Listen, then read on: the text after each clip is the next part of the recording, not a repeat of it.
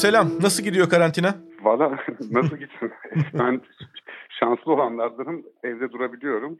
İşte biraz daha evvel başlamıştım bir de evde durmaya genelden önce. Çünkü e, İtalyanca kitabımın baskısı olacaktı İtalya'da. Aha. O sebeple oraya gitme gelme meselelerini takip ederken e, durumun vehametini kavradım. Hmm. Ve sonunda buraya da geleceğini fark edip herhalde bir 20 küsur gündür falan evdeyim ben. Ha bir de sen direkten döndün. İtalya'ya gidiyordun az daha yani. E, 9 Mart'ta e, İtalya'da olacaktım. 10 Mart'ta uçuşlar iptal edildi. Of. Ve İtalyanlar ısrarla çağırıyorlardı. e, e-mailleri var. Kimse iptal etmedi. Bir tek siz iptal etmek istiyorsunuz diye. Ben de onlara uçak biletinin 150 liraya düştüğünü göndermiştim.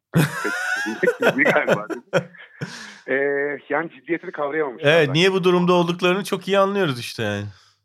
Şu evet an. evet ya an ben bile kendimden şüphelendim yani gördüğüm sayılara baktım vesaire ya ben mi abartıyorum dedim sonra yok yok abartıyorum dedim. Ee, zaten gidemiyormuşum yani artık. Evet. Şey oldu. Ya, ya da dönemiyordum. Peki kitap ne oldu bu arada? Ertelendi mi yayını Vallahi... yoksa sessiz sedası çıktı mı? Kitap çıktı. E, bir iki gazetede online röportajlar çıktı ama tabii kitapçı kitapçı e, hak getire herhalde e, Kindle'da var. Oradan okuyan oluyorsa okuyordur herhalde yani. Pek, pek okunduğunu zannetmiyorum şu anda. Evet tam kötü zamanlama karambole gelmiş. Ama bu gün yani bu aralar her şey için kötü zamanlama. Evet doğru söylüyorsun. Peki e, ne yapıyorsun? Nasıl geçiriyorsun zamanını? E, bir, defa yani çoğu insan gibi ben de içimdeki aşçıyı keşfettim. E, yani çok fazla yemek yapmazdım. Biraz yapardım ama şimdi böyle biraz da vakitte geçsin diye e, hem de iyi beslenmek gerekiyor hakikaten bu süreçte. Çok Aha. sağlıklı yemekler yapmaya başladım. O zamanın önemli kısmı oluyor aslında. e, bunun haricinde bir podcast yayınına başlamıştık Ere Özer'le beraber. Çok da güzel ee, bir yayın. Yeni Haller. Evet çok teşekkür ediyorum. Gerçekten işte, çok güzel. Açtığın yolda gösterdiğin amaçla biz ilerledik. ee, onu başlamıştık ve şansıma eve kurmuştum e, sistemi, e, mikrofonları, kayıt cihazını vesaire. Aha. Ve e, Eray'da aynı sokakta oturuyoruz. Aramızda 5-6 e, bina var sadece. E, böylelikle biz programları devam ettirebildik. E, fakat korona meselesi ortaya çıkınca şey yapmak zorunda kaldık. Ee, yani bütün gündem korona oldu fakat biz bütün podcast'i koronaya ayırmak istemedik. Ee, hı hı. O sebeple canlı yayına başladık. Yani koronayı haftada iki gün koronavirüsü meselesini masaya yatırıyoruz. Hem dünyadaki hem Türkiye'deki gelişmelerle. Yani aşı konusundaki gelişmeler, test konusundaki, ilaç konusundaki, dünyadaki son durum ve e, bu dünyamızı nasıl etkileyecek e, konularında e, hem dünyadaki hem Türkiye'deki fikirleri ve e, haberleri bir araya getirip anlatmaya çalışıyoruz bu sohbet programında. Ki böylelikle diğer podcast bölümlerine devam edebilelim. Ama onları da biraz koronavirüs etrafında yap, yapıyoruz. İşte bazı işler hakikaten zırva mı? Evden çalışmaya başlanınca bazı iş, bazı meslekler ortadan kaybolacak mı? Hı hı. Özellikle beyaz yakalılar bakımından. Ya da işte şimdi yapmakta olduğumuz kamusal hijyenin tarihi. İşte ne zaman sabun kullanmaya başlandı, hmm. ne zaman anlaşıldı mikrop diye bir şey gibi biraz yanında yöresinde konulardan devam etmeyi planlıyoruz şimdilik. E, o da bir hayli vakit alıyor aslında. E, yani evin içerisinde sürekli bir çalışma halindeyim. Uzun süredir bu kadar yoğun çalıştığımı da hatırlamıyorum. Ee, bir de Instagram'dan da yayın yapıyorsunuz. Bu podcastleri kaydederken e, ya da bu canlı podcastleri mi yayınlıyorsunuz Instagram'dan yoksa oraya yaptıklarınız ayrı mı? E, canlı podcastleri aslında biraz videoya taşımak istedik. Instagram'da böyle bir deneme amaçlı başladık. Fena da gitmedi ama onu YouTube'a aktaracağız şimdi. Herhalde bir sonraki ya da ondan sonrakini artık YouTube'dan yayınlayacağız. Orada da kalsın da istiyoruz ki hı E, şey olsun. E, yani ileride dönüp baktığımız zaman belki bir günlük gibi de o canlı yayınlar e, bir arada dursun istiyoruz. Şüphesiz kayıt altına almak lazım bu evet. bütün bunları. Peki e, şunu sorayım. E, şu yaşadığımız olaydan insani olarak, sonra siyasi olarak, felsefi olarak nasıl sonuçlar çıkarıyorsun? Ne, neler düşündürtüyor bu durum sana? Ya ben şey diyorum ya bu insanlığın sonunu getirmeyecek ama insanlıkla ilgili birçok şeyin sonunu getirecek galiba. Şimdi yani şahsi olarak ben zaten evden çalışmaya da alışık bir insanım genelde. E, o sebeple uyum sağlayabildim gibi görüyorum. Yani çok fazla bir zorluk çekmedim hakikaten o konuda. Onun haricinde fakat e, çok çok çok ciddi değişiklikler olacak gibi geliyor. Bu bana hani e, öncesi ve sonrası anları vardır ya tarihte. Yani evet. Ondan önce ondan sonra öyle bir an yaşadığımız çok açık ve mesela yarın hemen çözülse bu problem yine de böyle bir an bu. E, çünkü küresel olarak ilk defa hepimiz sadece aynı konuyu konuşuyoruz.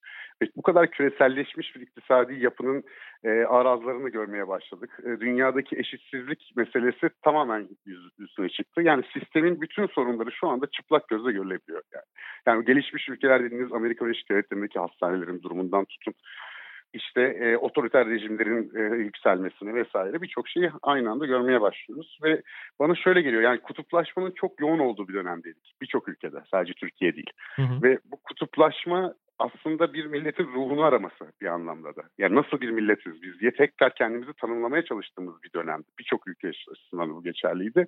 İşte burada e, hastalığa vermiş olduğumuz tepki bu milletin ruhunu da ortaya çıkartacak aslında. Nasıl bir millet olduğumuzu belirleyecek.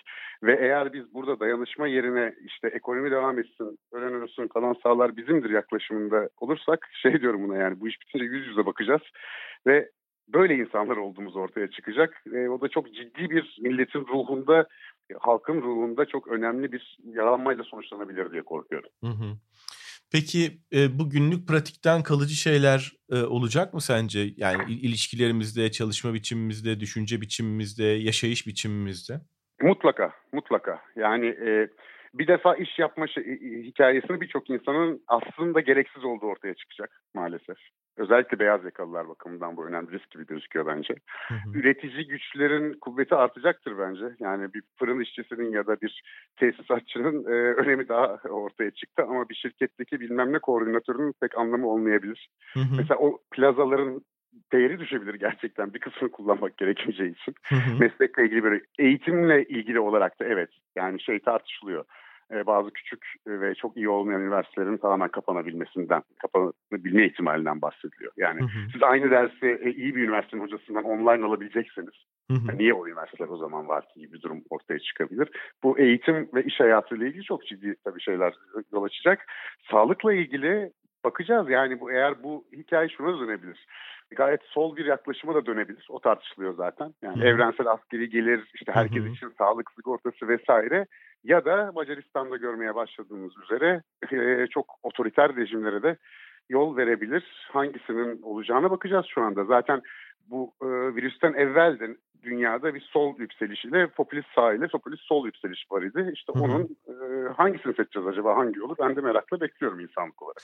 Bu evrensel asgari gelir konusu üzerine biraz ben de kafa yoruyorum. Özellikle işte bu yapay zekanın ve e, robotların iş hayatına iyice girmesi, daha da girmesi ve bazı meslek kollarını ortadan kaldırmasından sonra insanlar nasıl geçinecek? Bu kadar insan işsiz kalan e, insan nasıl geçinecek sorusuna verilen en akla yakın cevap bu. Çünkü zaten bu teknoloji gelişmiş, çok gelişmiş ülkelerden başlayarak aşağıya doğru yaygınlaşacak e, bu ülkelerde insanları geçindirmek için, işsizlik dalgasını eritebilmek için, e, insanların geçinmesini sağlayabilmek için bir şeyler yapmak zorunda. Ve akla gelen en makul çözümlerden bir tanesi de herkese çalışmasa bile belli bir gelir bağlamak. İnsanların istiyorlarsa onun üzerine bir de çalışmasını sağlamak. Şimdi aslında fiilen bu durumu yaşıyor gibi bir şey olacağız. Yani özellikle varlıklı ülkeler Maalesef biz oranın çok uzağındayız. E, bu dönem zarfında çalışamayacak insanları destekleyecek. Tıpkı sanayi devriminden çok sonra sosyal sigortanın devreye girmesi gibi, o zamanlar kimsenin aklında olmayan bir kavramın devreye girmesi gibi belki de bir, bir vadeden sonra hakikaten herkese adam başı bir para verme gibi bir politika kalıcı e, ve sürdürülebilir olabilir. Ne düşünüyorsun? Ya mümkün zaten bu konudaki tartışmalar da bu hikayeden sonra çıkmış değil. Ee, hı hı. Türkçe'ye de çevrilmişti. Realistler için bir Ütopya diye bir kitap var. Bunu da tavsiye ederim. Hem dünyadaki daha önce tecrübe edilmiş lokal örneklerini hem de e, bunun e, ekonomik modellemelerini yapıp hani mümkün olduğunu gösteren bir çalışma bu. Hı hı. Bu olabilir elbette. Buraya doğru gidebilir. Amerika Birleşik Devletleri'nde şimdi benzer bir durum var zaten. İşte ailelere 1500 dolara yakın yardım e, yapıyorlar eğer vergi mükellefi iseler. Ve bunları e, daha önce herhalde akla hayali bile gelmezdi ABD'de böyle bir şey olabileceği. Evet. E, hele Trump döneminde. Hele hele Trump döneminde. Zaten şöyle bir şey yani 10 senede belki 15 senede olacak e, gelişmeler ziplendi. E, ve çok hızlı oluyor şu anda. O sebeple de biraz çarpık olacak, biraz yamuk olacak. E, ama e, tarihin çok hızlandığı bir andayız. Orası kesin. Ben bunu tabii olabileceğini düşünüyorum. Zaten daha evvel de aklım yatıyordu buna. Bu konudaki çalışmaları okuyordum. Orada şöyle bir şey ama aklıma gelmiyor değil. Acaba bunlar e, maaşa bağlayıp evde sadece yani Netflix abonesi olacak kadar para verecek. biz, de, biz de oturup evde böyle makarna yiyecek kadar. İşte hani böyle karın tokluğuna biraz da Spotify Netflix'e üye olsun falan hani o kadarlık bir şey mi verecekler acaba diye korkmuyor da değilim. Baya distopik bir şey söyledin şu an aslında bakarsan. Yani. Kiminin rüyası kiminin kabusu bu değil mi? Vallahi mümkün yani. Olur mu olur. Peki şimdi tahmin ediyorum ki bu podcastler için aslında çok yoğun bir okuma yapıyorsundur. Yani e, ne bileyim hani e, hijyenin tarihi dediğin zaman bunu e, kafadan söylemiyorsun ve eminim birkaç kitap deviriyorsundur. İşte internette filan e, bir şeyler kovalıyorsundur. Hem bu evet. vesileyle hem de arta kalan zamanda ne okuyorsun? Bize birkaç öneride bulunur musun? Yani şunu söyleyeyim ilk başta tabii bir şey okumaya konu hariç konular haricinde bir şey okumaya konsantre olamadım çoğu Hı-hı. insan gibi. Hı-hı. E, bu arada bu çok doğal bir durum. Geçenlerde bir makalede okudum. Yani diyor ki bu durumda hani endişeye kapıldıysanız işte e, e, kendinizi kötü hissediyorsanız korkmayın aklı başında her insan küresel bir salgında endişeye kapılır diyor.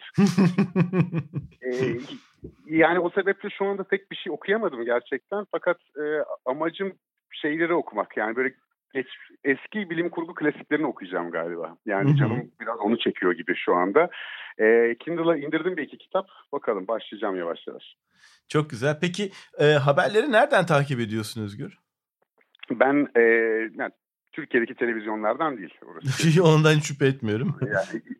Yani, daha, daha ziyade internet üzerinden takip ediyorum. e, Vox'tan takip ediyorum yabancı olarak. Onun haricinde işte belli başlı işte Guardian, Fransa'da Le Monde, işte e, New York Times gibi belli başlı yayınları takip ediyorum. Twitter'da konunun uzmanı olduğu üniversite e, öğretim görevlileri vesaire gibi konu uzmanlarının e, yönlendirmeleriyle bir takım şeyleri derlemeye çalışıyorum, kaynakları. Hı hı. Yani çok e, dağınık bir konu çünkü her şeyi etkiliyor bu koronavirüs dediğimiz şey. Yani şu anda etkilemediği bir e, konu başlığı yok muhtemelen. Yani Doğru. E, tiyatrodan tutun da e, pedagojiye kadar yani.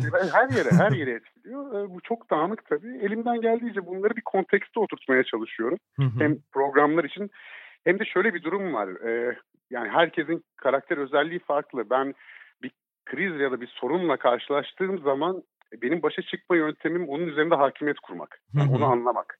Onu eğer anlayamazsam ne olduğunu o benim kaygımı daha çok arttırıyor. O sebeple büyük bir iştahla okuyorum e, hmm. olan biteni. Mesela ilaç konusunda bir e, yakın bir akrabam iyi bir eczacılık akademisyeni. Mesela ondan sürekli bilgi alıyorum. Buna benzer işte alanlarında iyi olduğunu bildiğim insanlara danışıyorum. Onlar bana kaynaklar gönderiyorlar. Bazı şeyleri bu sayede birinci elden alabiliyorum. Hı hı. Ama daha çok yabancı medyadan takip ediyorum. Çünkü yani Türk televizyonlarının hali gerçekten işler acısı e, çok son haklısın. dönemde. Peki şunu da sorayım. Bu sömestr ders veriyor musun? Üniversitede o işi nasıl hallediyorsun? E, bu semestr yoktu benim ders onu online olarak hallediyor üniversitelerde. Yavaş yavaş ona geçecek hmm. ama yani bu dönem bence biraz hafiften kayıp bir dönem olur. Çünkü ne e, öğretim görevleri nasıl yapacaklarını tam biliyor ne öğrenciler. Bir de bu bütün öğrencilerin şahsi bir laptopu olduğu varsayımına dayanan bir sistem. Evet. Yani e, biliyoruz ki Türkiye'de üniversite öğrencilerin durumu çok iyi değil maddi durumu.